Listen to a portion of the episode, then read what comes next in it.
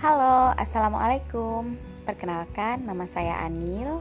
Podcast ini sengaja saya namakan cerita positif Dengan harapan agar kita bisa saling berbagi, saling sharing Dan juga saling memotivasi Agar apa yang kita ceritakan bisa bermanfaat buat orang lain untuk itu, semoga saya pun bisa menjadi teman cerita yang menyenangkan buat kamu dan kamu bisa bercerita banyak dengan saya.